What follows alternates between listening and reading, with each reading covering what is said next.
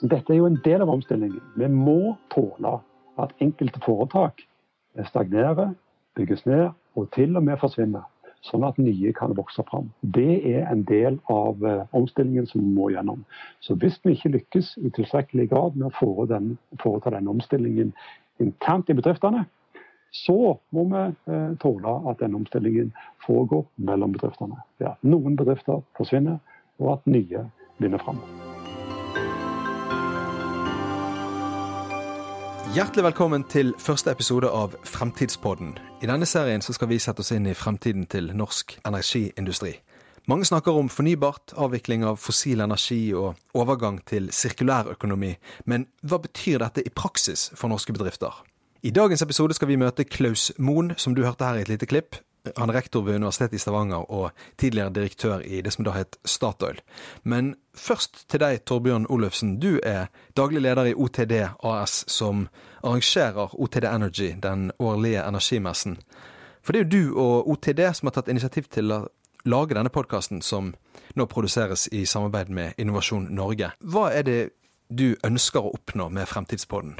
Eh, vi, vi, ser at industrien er endring. Ehm, og For å lykkes i en endringsprosess så handler ting om, om, kunnskap. Det handler om forståelse av hvor vi er og hvor vi skal gå. Hva kan du fortelle oss om dagens gjest, Klaus Moen? Klaus er spennende å lytte til. Han har sin bakgrunn fra, fra Statoil. Um, samtidig har han et makroperspektiv som, som uh, ser ofte hva endringer betyr for, for meg og deg. Uh, alltid spennende å høre på, på, på Klaus. Ja, og det vi skal snakke med han om i dag, det er årene frem mot 2030. Hva tenker du, Torbjørn, at folk og lytterne våre er mest nysgjerrige på rundt det tiåret som, som vi nå fremdeles ja, vi er veldig tidlig i? da?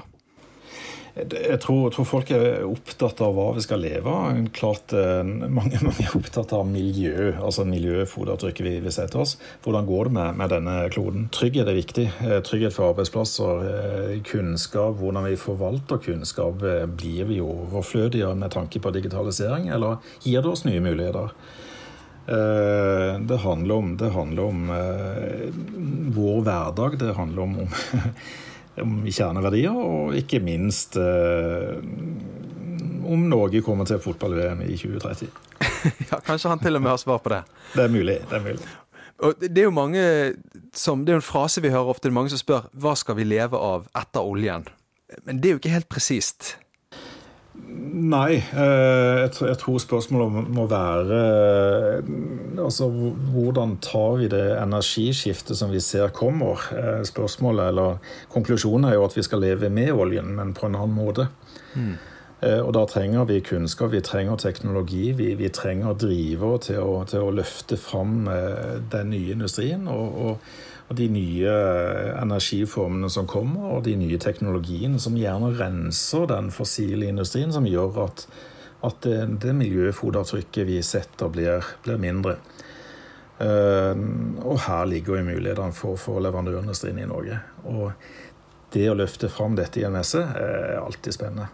For vi lever i en tid med veldig store forandringer, spesielt i energiindustrien. Og det åpner for nye muligheter. Vi, vi, gjør det. vi gjør det, Og, og da handler det om, handler om å, å, ta tak i de mulighetene. Men eh, det gjør vi ikke uten kunnskap, uten å vite hvor vi går, uten å dele den kunnskapen med hverandre, som energiklyngen da eh, har vist før eh, kan gjøre. Og løfte fram til, til en, en verdensledende industri. Og når vi nå skal lete etter slik kunnskap hos Klaus Moen, hva er du aller mest nysgjerrig på? Det vi kan spørre Klaus om, det er, det hvilke konsekvenser det grønne skiftet får for dagens industri. Vil det få stor betydning, eller, eller tror vi at, at um, omstillingskraften og evnen i bedriftene er stor nok? Ja, og det og mer håper og tror jeg at vi får svar på i dagens episode, den første i podkasten Fremtidspodden. Klaus Moen, I denne podkasten skal vi se på Norges fremtid som energinasjon, og hvordan norske industribedrifter best kan møte de endringene vi er inne i nå. Kan spørre først, Hva er de viktigste endringene innen energifeltet du tror vi vil se i tiåret vi er inne i nå? I Norge så tror jeg omstillingen vi har kommet i gang med nå vil eh, fortsette. Eh, jeg tror eh, olje- og gassvirksomheten, iallfall hvis en ser på produksjon eller utvinning, så vil det stagnere og flate ut. Vi kan fortsatt få høye investeringer i noen år. Men deretter så tror jeg òg investeringene i olje- og gassvirksomheten vil falle. Og det betyr at uh, markedet for de tradisjonelle oljeleverandørbedriftene òg vil uh, stagnere og gå tilbake. Samtidig så vil en se framvekst av nye områder som eh, enkelte av leverandørforetakene for olje- og gassvirksomheten vil kunne posisjonere seg mot. Det gjelder jo spesielt eh, områder som er beslekta eh, med de teknologiene man har utvikla for olje- og gassvirksomheten. Et nærliggende eksempel er jo offshore eh, havvind, hvis en skulle komme i gang med det. Men det finnes òg andre bygge- og, bygge og prosjekt og designprosjekt og andre teknologier som det er mulig å posisjonere seg for, mot for uh, leverandørbedriftene. Så denne bevegelsen tror jeg vil fortsette. Og det tror jeg, dette, dette tror jeg er en omstilling som vil skje innenfor bedriftene. Ved at bedriftene posisjonerer seg mot nye for, for, forretningsområder eh, i eksisterende organisasjon. Men en vil nok òg se det mellom bedrifter, ved at enkelte bedrifter skalles av, og at nye eh, vokser fram. Og Vi må jo bare håpe tror jeg, at strukturen i norsk økonomi ikke er den samme om ti år som i dag. Og Det eh, forutsetter omstilling og endring. Du snakker om teknologiutvikling. og Er det ønskelig at, at eksport av kompetanse vil bli vel så viktig i fremtiden som eksport av energi? Ja, det tror jeg nok. Eksport av energi, eh, les olje og naturgass, har jo vært veldig eh, viktig eh, i inntektsøyemed og i, når det gjelder økonomisk aktivitet og sysselsetting for Norge i mange, mange år. Dette har eh, gitt oss stor rikdom, men det har òg ført med seg noen utfordringer. Og En av de utfordringene er at vi har et høyt lønnsnivå. Et høyt lønnsnivå er ikke en konkurransefordel. Så Hvis vi skal kompensere for den konkurranseulempen som det høye kostnadsnivået gir oss, så må det skje gjennom kompetanse og teknologiutvikling. Vi må altså vise og demonstrere at vi jobber smartere enn de andre hvis vi skal ha sjanse til å opprettholde en lønnsforskjell mot eh, andre land, eh, næringer og bedrifter. Og så sa du at vi bør håpe at økonomien ser annerledes ut. Hva, hva er det beste scenarioet for norsk energibransje i 2030? Ja, nå er det jo litt sånn nymotens. Jeg er jo en tilårskommen mann, så når jeg hører energibransje, så tenker jeg ofte på elektrisitet og det som typisk hører til det innenlandske forbruket av energi. Men eh, de senere årene så har jo energibransjen Eh, og det begrepet er blitt utvidet til å omfatte olje- og gassnæringen. Så for eh, olje- og gassnæringen så tror jeg at vi ikke kommer utenom en stagnasjon eh, i den næringen på, på, på, på tiårssikt. Og Det betyr at hvis vi skal opprettholde veksttakten i næringslivet og i økonomien for øvrig, så er det andre næringer og andre aktiviteter som må kompensere for det, de vekstimpulsene som olje- og gassnæringen hittil har tilført.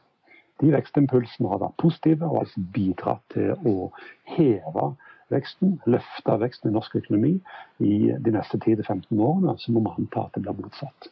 Da vil trolig vekstimpulsene fra eh, olje- og gassnæringen bidra til å dempe veksten i, økonomi, i, økonomien.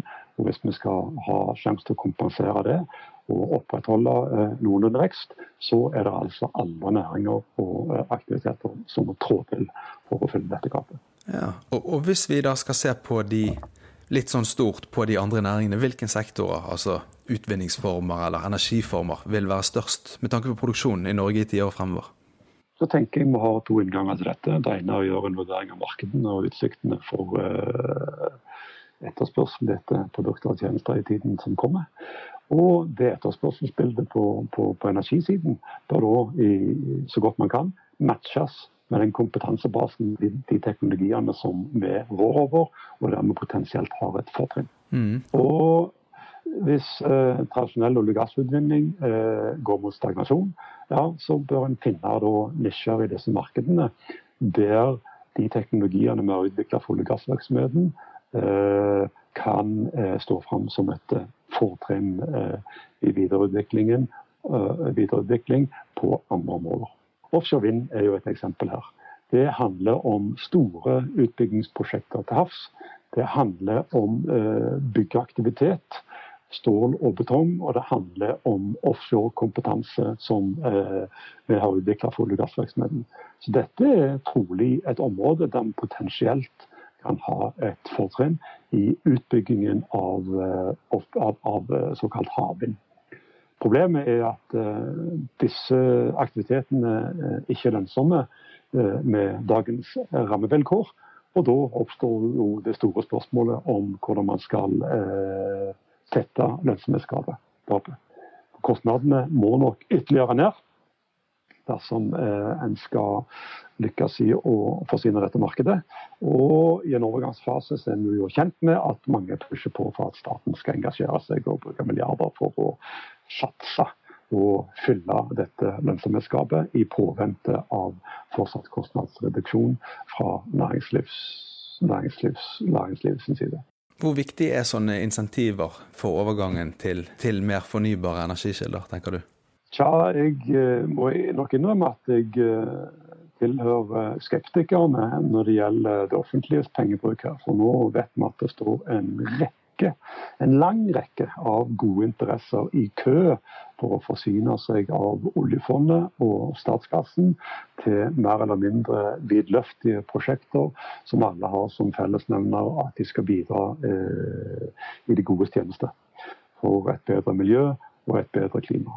Og Det er ikke alle disse prosjektene som er gode verken i klimaforstand eller i økonomisk forstand. Og Da gjelder det for eh, politikerne og for så vidt også for skattebetalerne å uh, holde et godt tak på pengesekken. For med den rikdommen vi har skaffet oss på, på, fra olje- og gassvirksomheten, så er det snublende nær å åpne eh, oljefondet og strø ut penger til gode formål. Men det er ikke sikkert at det verken gir oss de løsningene vi trenger, eller at det skjer på en måte som vil gagne næringslivet på lengre sikt. Det er jo et stort tema i seg selv, men kan du kort liksom si noe om hvilken sektor du tenker det er mest solide, da? Og hvor det er mest vidløftighet? Nei, altså Der er jeg en skarve akademisk eh, professor i økonomi. Og jeg er nok blant de som tror at ingen er bedre egnet til å velge framtidens eh, vinnernæringer og vinnerteknologier enn næringslivet sjøl.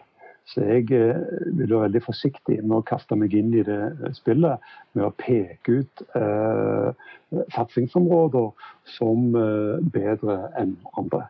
Jeg, eh, det er risikabelt nok når næringslivet eh, gjør det, men jeg tror tross alt det er ingen som er bedre egnet. Og Hvis politikere eller akademikere skulle ta del i det spillet, så tror jeg at kvaliteten på omstillingen ikke blir så god som den ellers ville blitt. Så Der er jo min eh, generelle anbefaling at en bør holde avstand fra politisk hold, og for så vidt også fra mitt hold, til akkurat det som gjelder, det det, det, det, det, spesifikke valget av teknologier og det spesifikke eh, valget av eh, næringer som det skal satses på som dette Hvilke aktører eh, tenker du vil spille de viktigste, de mest sentrale rollene i energiomstillingen i årene fremover? Ja, Hvis en ser veldig generelt på det, så tror jeg at de aktørene vil vinne fram som har sett utfordringene og utviklingstrekkene som kommer, og som har tilpasse seg deretter. Eh, hvis en tar klimautfordringene som eksempel, så står eh, bedrifter i næringslivet overfor to typer klimarisiko, kan jeg kanskje si. Den ene risikoen er knytta til produktene de produserer. Altså det som leveres til markedet. Hvis det skaper et uh, uheldig avtrykk i form av uh, økte klimautslipp, så skal man passe på og kanskje vurdere aktiviteten sine. Kroneksempelet på den type risiko er jo olje- og gassvirksomheten, som faktisk forsyner markedet med akkurat det vi ønsker å bli kvitt. Så det er liksom kroneeksempelet. Den andre typen risiko knytter seg til selskaper som bruker et eller annet i produksjonen som er forbundet med eh, økte utslipp, eller hvis man ikke snakker om klimaet, eh, avtrykk på naturen. Et eksempel som har vært brukt her, det er bruken av soya i fôrproduksjon for eh, havbruksnæringen, og for så vidt òg for landbruket. Mange av oss vil nok mene at det å importere tusenvis av tonn med soya fra Brasil og andre steder hvert år, over Atlanterhavet til våre farvann for at vi skal det, det, det, På den ene sida legger det press på, på regnskogen, og på den andre sida så er det neppe bærekraftig å, å eksportere fôr over så lange avstander. Så dette gir en eh, klimamessig eksponering og en klimamessig risiko. Og Står man overfor den type forsyningskjeder på input-siden, så bør man òg eh, være innstilt på å legge om driften, eller alternativt møte høyere kostnader når det legges avgifter på eh, denne type aktiviteter. Så De som ser disse utviklingstrekkene, som er i stand til å kartlegge risikoen i sin egen virksomhet på produktsiden og på innsatsfaktorsiden, og tilpasse virksomheten i tråd med dette på en måte som gjør at direkte kostnader og indirekte kostnader blir holdt på et minimum i møte med, med, med, med klimakrisen, det er de foretakene som vil greie seg best. Men sånn som i, i, i olje og gass i dag, så er Equinor veldig stor. Tenker du at det, at det er på en måte en posisjon de vil holde i tiåret fremover, eller vil andre selskaper med nye energiformer eller nye sektorer vokse frem? og det, det, er et veldig interessant spørsmål. Det er klart at Equinor kommer til å drive eh, mange oljefelt i flere tiår ennå. Og til det trenger de mennesker. Eh, det som eh, jeg tror det kommer til å bli mindre av, det er jo store feltutbyggingsprosjekter og investeringer. Den type aktiviteter og forretningsutvikling for så vidt òg, i alle fall knytta til olje og gass. Den type aktiviteter vil trolig stagnere. Så er spørsmålet da om Equinor har nok av andre aktiviteter til å sysselsette de menneskene som hittil har drevet med utvikling av olje og gass. Der ser vi at det foregår en del når det gjelder forretningsutvikling knytta til fornybar. Og Det kommer jo Equinor til å fortsette med. Spørsmålet er om de trenger så mye mennesker til å drive med denne aktiviteten over tid, som de tidligere har brukt på å utvikle olje- og gassprosjekter. Jeg er veldig i tvil, men jeg betrakter dette fra avstand, så jeg vil ikke bli overraska over om, eh, hvis en måler dette ved, ved, ved antallet sysselsatte, at eh, størrelsen på et selskap som Equinor kommer til å stagnere i eh, årene som kommer. Vi snakker om ulike former for fornybar energi, at det kommer til å bli viktig. Hvordan kan norske bedrifter best få brukt sin erfaring fra 50 år med petroleum inn mot dette?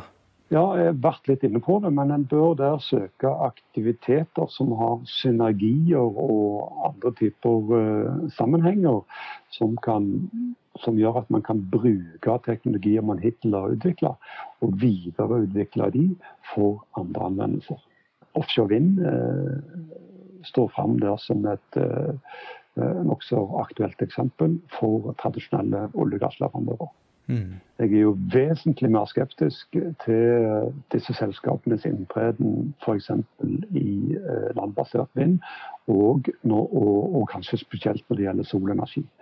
Der tror jeg det vi trenger kanskje er nye selskaper og nye kompetanser. Og øh, øh, nye, nye, næringsstrukturer Eh, som jeg ikke er sikker på at eh, den tradisjonelle olje- og gassnæringen er den beste til å løse. Men, men dette er jo en del av omstillingen. Vi må tåle at enkelte foretak stagnerer, bygges ned og til og med forsvinner. Sånn at nye kan vokse fram. Det er en del av uh, omstillingen som vi må gjennom. Så hvis vi ikke lykkes i tilstrekkelig grad med å foreta den omstillingen internt i bedriftene, så må vi eh, tåle at den omstillingen foregår mellom bedriftene. Ja, noen bedrifter forsvinner, og at nye vinner fram. Mm. Tenker du at offshore vind blir den mest dominerende energiformen på et tidspunkt? På et tidspunkt så tror jeg den næringen har et uh, stort potensial. Men jeg tror fortsatt det er et stykke fram. Fortsatt er det så kostbart med, med, med utvikling og drift av uh, offshore vind at uh, vi trenger bedre teknologier og lavere kostnader for, for, at, uh, for at, den type um, virksomhet skal kunne utvikles i, skala, i, stor skala. Både i Norge og internasjonalt. Og her må en òg skille da, mellom bunnfaste installasjoner som etter det jeg forstår, er i ferd med å, å, å eh, bli lønnsomme. Men noe annet gjelder da flytende havvind, som fortsatt har en vei å gå før det eh, kan bli lønnsomt. Og så er det teknologiutvikling generelt. Det er jo mange som satser i Norge på batteriteknologi, solar, hydrogen, karbonfangst. Fortell litt om hva som skjer av nyskaping og innovasjon innenfor teknologiutvikling i Norge nå.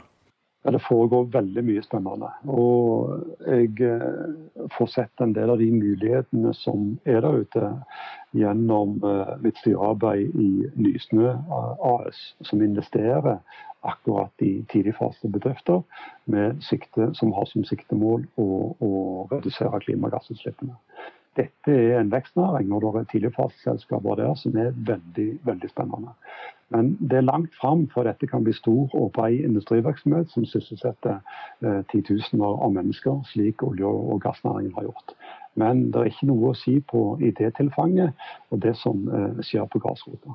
Så det er de selskapene en må holde øye med dersom en skal posisjonere seg eh, for uh, framtida. For her foregår det veldig, veldig mye spennende. Uten at jeg skal peke ut klare vinnere heller på dette feltet.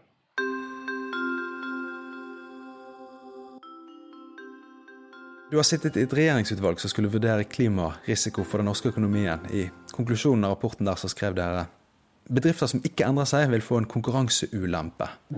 Hvorfor vil de det?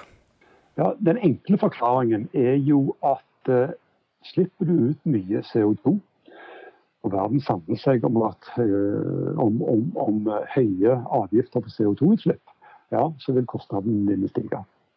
Og det vil gi en konkurranseulempe. Det er den aller enkleste forklaringen.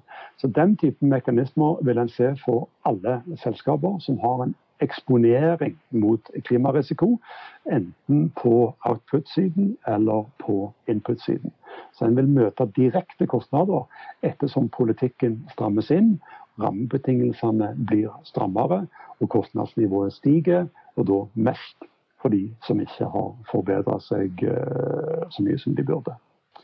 Det er en annen grunn òg, og det er at eh, markedene er i ferd med å endre seg på en måte som gjør at eh, selskaper, som ikke følger med i timen, vil rammes omdømmemessig. Eh, forbrukere og konsumenter vil skygge unna eh, produkter som ikke har et godt omdømme på klimaområdet. Det ser vi allerede i dag at kundene har blitt mer eh, bevisste. På den andre sida ser vi òg at eh, arbeidstakere, og nyutdannede kanskje spesielt, skygger unna aktiviteter og bedrifter som ikke har et godt omdømme på klimaområdet. Dermed vil en møte utfordringer òg i rekruttering, hvis en ikke tilpasser seg dette feltet. Så på rekruttering og på, på, på, på eh, salg og markedsføring, og på de direkte kostnadene knytta til, til, til, klimagassutslipp, så vil en kunne se at gode prestasjoner vil fremme konkurranseevne, og at dårlige prestasjoner vil hemme konkurranseevnen. Ja, og nå nevnte du rekruttering, og vi kommer til å snakke med studenter eh, i senere episoder av denne podkasten. Mm. Eh, du er jo rektor ved Universitetet i Stavanger, som er sterk på, på energifag og petroleumsfag. Hva, er, hva blir universitetene og utdanningsinstitusjonene sin, sin, rolle? Hvordan ser du den i energiomstillingen? Nei, her i Stavanger så har vi akkurat vært gjennom en stor strategiprosess for å legge en ny retning for vårt universitet fram mot 2030. Og da er det, for å si det litt enkelt, eh, gjennomgangstema at vi går fra å være et oljeuniversitet til å bli et omstillingsuniversitet. Det at vi har vært et oljeuniversitet, er en eh, sannhet med store modifikasjoner. Olje og gass har vært viktig for oss historisk, men gjennom de siste ti årene har Universitetet i Stavanger gradvis blitt mer diversifisert. Og Den bevegelsen kommer til å fortsette.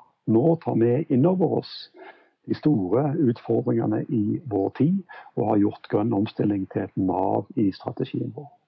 Sjøl er jeg veldig klar på at viktigste, vårt viktigste bidrag til eh, klimautfordringen er å forsyne samfunns- og arbeidslivet med kunnskap og kompetanse som setter oss i stand til å håndtere denne utfordringen. Eh, vi kan gjerne servere vegetarmat i kantinene. Vi kan gjerne bli bedre på energieffektivitet. Og vi kan gjerne ha masse sykkelparkering. Men det er ikke det som redder, eh, redder verden eh, når det gjelder universitetene sin innsats for klimaet. Da tror jeg vi har mye mer å vinne på å tilpasse vår kjernevirksomhet som kunnskapsprodusent i tråd med de utfordringene som verden står overfor. Og Det er vi altså i full sving med her ved Universitetet i Stavanger. Og Vårt mål er å gjøre eh, grønn omstilling til et integrert element i det vi driver med av forskning, i det vi driver med av utdanning, og i det vi driver med av innovasjon og samfunnskontakt. Tar en for seg de studiene som tidligere var, nesten var øremerka for olje- og gassvirksomheten, så er vi i ferd med å legge de om. Vi har gitt de nytt innhold og nye navn.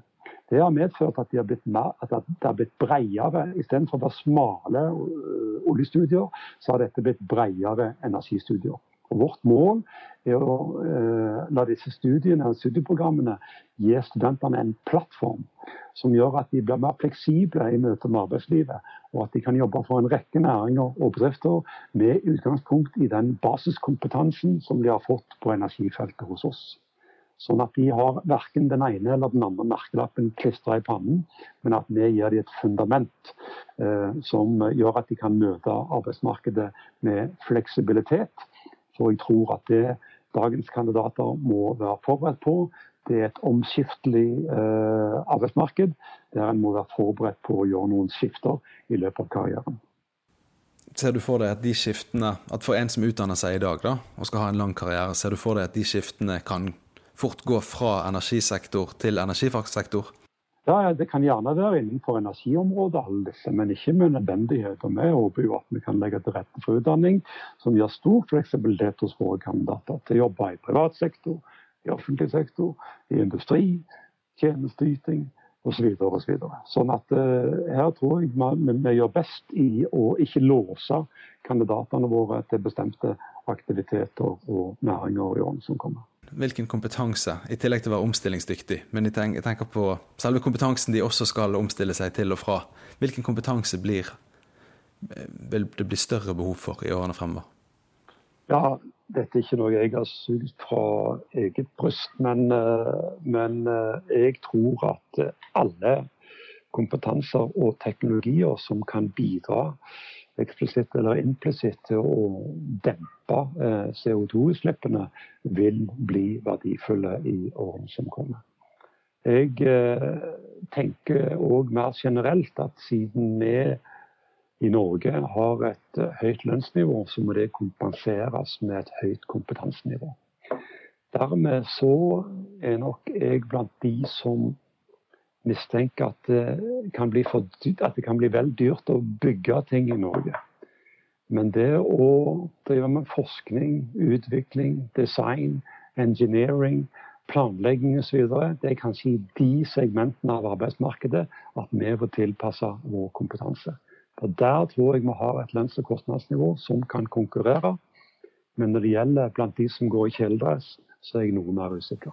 Så kunne f.eks. sett for seg altså, kompetanse på, å, på, karbonfangst, men som da gjennomføres et annet sted i verden. Er det et eksempel ja. på det du Ja, det er et eksempel på det. og Da tror jeg òg en burde gått enda lenger ned i bakken enn uh, det vi har gjort hittil. Og faktisk forske på eh, potensielt nye teknologier for å fange, eh, fange CO2, og potensielt òg lagre CO2. Det vi har gjort hittil, det er å bygge enorme testanlegg basert på teknologier som har vært kjent i flere årtier. Og jeg er ikke sikker på at det er eh, den type teknologier som vil bidra til å løse klimautfordringen. Ja. Vi trenger noe nytt. Og da er det med vårt høye kunnskaps- og kompetansenivå, så burde vi kanskje satse her på, på utvikling uh, av eh, teknologier på mer grunnleggende nivå enn det vi har gjort hittil. Tusen takk skal du ha for at du stilte opp hos oss. Tusen takk skal du ha. Denne episoden av Fremtidspodden går mot slutten. Programlederen du hører, det er meg, Kasper Synnevåg. Fremtidspodden produseres av Kraftverk digital kommunikasjon på oppdrag fra OTD Energy i samarbeid med Innovasjon Norge. OTD Energy er Norges største årlige energimesse. Og hvis du er der når den går av stabelen i Stavanger Forum 20. til 21. oktober i høst, så kan du også få oppleve en liveutgave av Fremtidspodden, der vi har fantastiske gjester. Men før det, allerede i neste episode, skal det handle om teknologiutvikling. Og Da møter vi Karl Jonny Hersvik, som er leder for Aker BP.